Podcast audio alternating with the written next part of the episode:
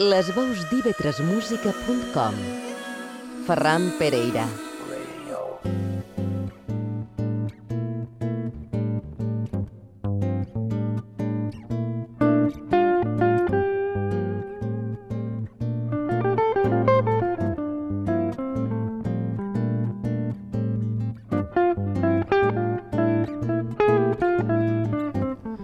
Tornen les guitarres a Bellver i extraordinària cloenda de Benny Carter All Stars.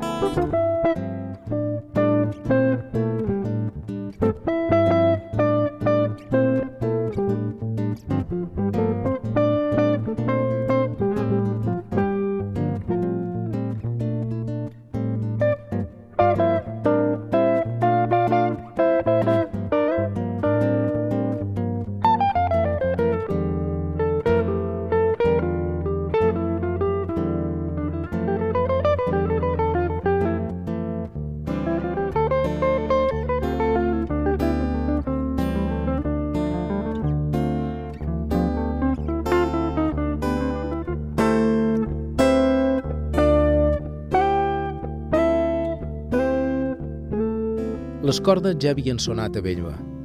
Si ho recordem, el 24 d'octubre del 1984, és a dir, en l'edició anterior, hi havien viscut una jornada en la que Rafael Feis i Stephen Grappelli, cada un amb la seva corresponent formació, protagonitzaren un memorial Django Reinhardt.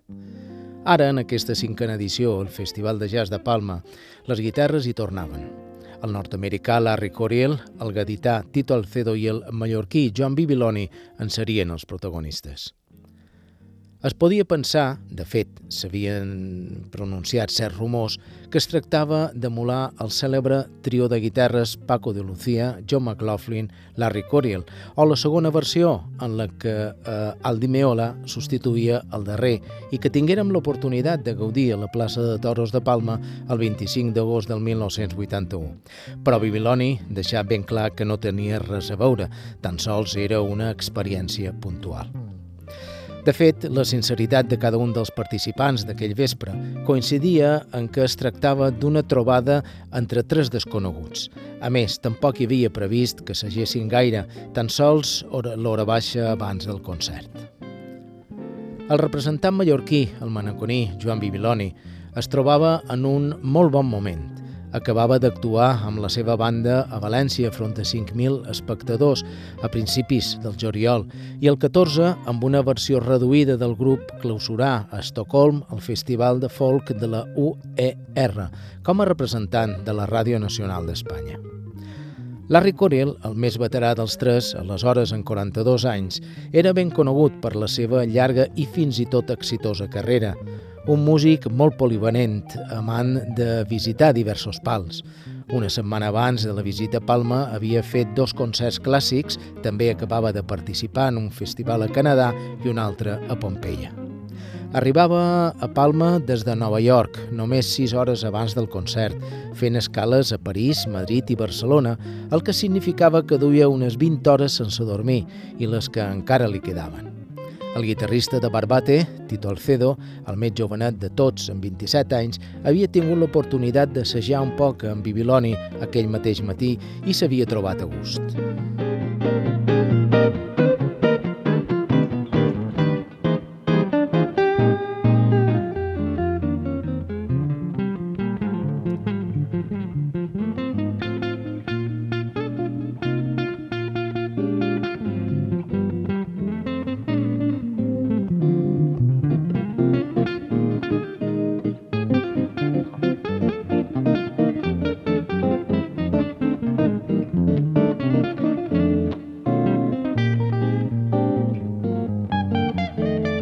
Desbordant absolutament les previsions de l'organització, poc més de 1.500 persones es convocaren al pati d'armes del castell de Bellva. Això significava un rècord d'assistència en les jornades que havien viscut fins ara en aquesta edició. Per tant, bon ambient per a una prometedora vetllada. Però, en canvi, aquesta resultà accidentada. Si l'any passat, en el mateix escenari, l'estufa del senyor Grappelli provocà que votessin els diferencials, aquest vespre tornaven a tenir problemes de subministre elèctric. El primer en pujar a l'escenari va ser Tito Alcedo i quan tot estava preparat per començar ens quedàrem sense corrent. El gadità esperà pacientment i a la fi pogué començar la seva actuació. Alcedo demostrà la seva gran agilitat en la guitarra, amb un fraseig clar, precís i molt tècnic. Sentirem també com s'enduia un You Are Everything de Chick Corea cap a terrenys estilístics més pròxims a Django Reinhardt. Es tractava de que primer fos cada un dels músics en solitari els que mostrés les seves armes, els seus registres i la seva personal forma d'entendre l'instrument. Com era d'esperar, la intervenció del guitarrista nord-americà estaria reservada per la darrera en solitari, la qual cosa posà a Joan Bibiloni sobre l'escenari que es llançà amb unes variacions en fa sostingut, quan de sobte començà a fallar el so de la guitarra. Lluny d'aturar-se el músic local amb una gran imaginació i destresa, apostar per veu, amb un magistral joc d'escat, irònic i divertit, salvés la interpretació, a més, ficant-se al públic a la butxaca. Larry Corell aparegué sobre l'escenari explicant amb un castellà prou clar que acabava d'arribar de Nova York i que estava un poc cansat, però també convençut de que aquell vespre seria el millor del millor. Començar el recital amb els passatges suaus i tranquils de In Your Own Street Way de Dave Brubeck fins a anar agafant força alhora que els seus dits lliscaven amb velocitat vertiginosa pel pal de la guitarra, afrontant el Round Midnight de Monk o unes interessants variacions sobre el bolero de Ravel, deixant ben clar la seva mestria amb les sis cordes. Arribaren els duos, Bon enteniment entre Joan Bibiloni i Tito Alcedo agafant el loro de Berto Gismonti com a encreuament de camins. El Nuaix serviria a Coriel i Alcedo per invocar a Django Reinhardt. També ho havien fet amb Felip Caterin, grandíssima coordinació i enteniment entre el nord-americà i el gadità. Trobàrem a faltar un duo entre Bibiloni i Coriel, però eh, haurien d'esperar uns quants anys perquè els dos creuessin les seves guitarres. Aquell vespre no va ser possible.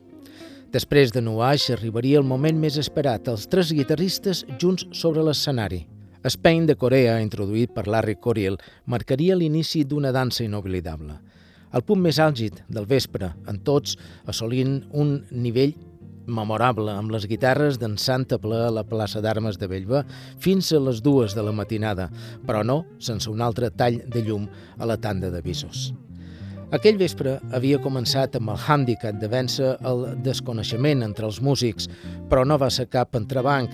Les dificultats estigueren només en la part tècnica. La proposta podia haver tirat cap a dos resultats. Per una banda, la dificultat de collar els tres estils diferents o, per al contrari, que cada un dels músics aportés les seves particularitats i que el resultat fos un continu enriquiment que va ser precisament el que succeï. No sé el que hauria pogut arribar a passar si haguessin tingut l'oportunitat de preparar el concert amb el temps suficient per conèixer-se i apropar postures musicals.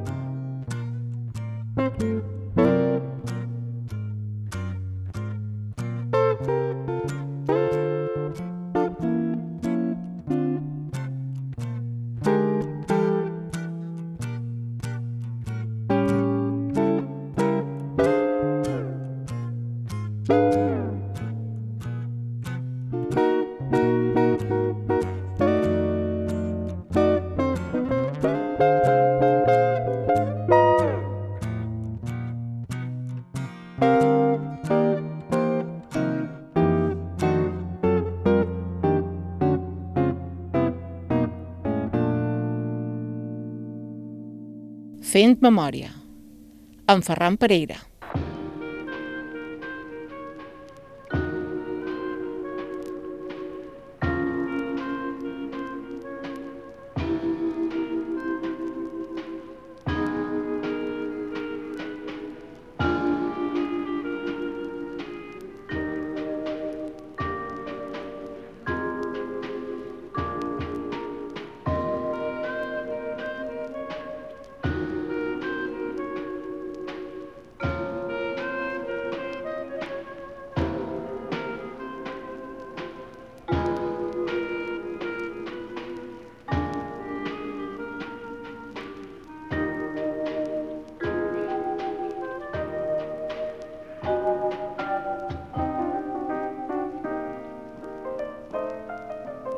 De la mateixa manera que hi havia part de la premsa que publicava en titulars que el Festival de Jazz de Palma era un festival sense història, per altra banda, Juan Claudio Cifuentes, que era a Palma per exercir de presentador i que el seu programa Jazz entre Amigos de Televisió Espanyola enregistrava el concert d'altres guitarristes, declarava que el nostre festival ens mostrava un menú complet i ben dosificat. Per una banda, representants de les noves tendències com Larry Coriel i per l'altra, clàssics com Benny Carter.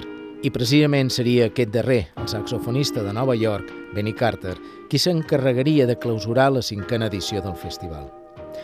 Però aquell divendres, dia 9 d'agost, la magna de l'Auditorium, escenari de capçalera del festival, seria el Swing Group Balear que s'encarregaria de posar les primeres notes sobre l'escenari. Un sextet que combinava músics de més jove generació, com Antoni Colomà, Josep Ramon Avellà i Eliet Gil, amb reconeguts mestres com Manolo Bolao, Salvador Font Mantequilla i Bonet de Sant Pere, qui exercia de cap visible i representant de la formació.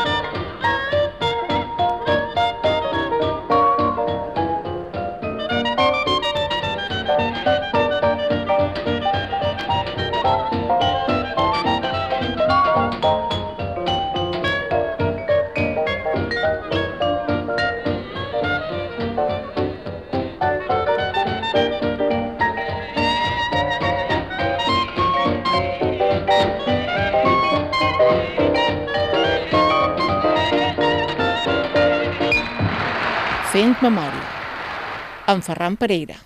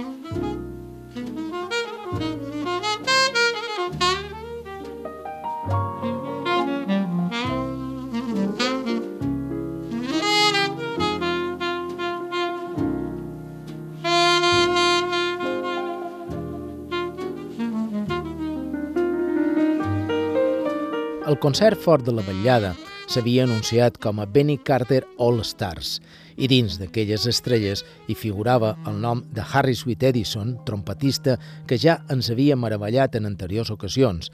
Ara bé, en el darrer moment, aquest seria substituït per el músic de Cleveland, Benny Bailey. La resta dels astres serien el pianista Tete Montoliu, que tant havia col·laborat en altres edicions del festival, el contrabaixista Jimmy Goody, que ho havia fet tan sols un dies abans en la Paris Reunion Band, i el bateria Ed Zippen, que havia participat també en aquesta cinquena edició com a membre de la Big Band d'Ernie Wilkins. Carter aterrava a Palma, procedent de Los Angeles. 20 hores de viatge que no minvaren la cordialitat i el bon humor del músic amb els periodistes a l'arribada de l'aeroport de Son Sant Joan. Moment en el que s'assabentava del canvi del trompetista, reconeixent que no li importava. És més, tal vegada preferia a Bailey. En va sorprendre a tots la seva declaració de que l'instrument per al que sentia una especial debilitat, el que més li agradava, era la trompeta, recordant que Carter és reconegut com a gran saxofonista. Viure i sentir a Carter sobre l'escenari de la Magna era com tenir l'oportunitat de ser testimonis de més de mig segle de jazz. Carter havia debutat amb l'orquestra de John Clark el 1924 en només de 7 anys i el dia abans del concert n'acabava de complir 78. Va ser una extraordinària cloenda de la cinquena edició d'un festival de jazz que ja escrivia la seva història en majúscules.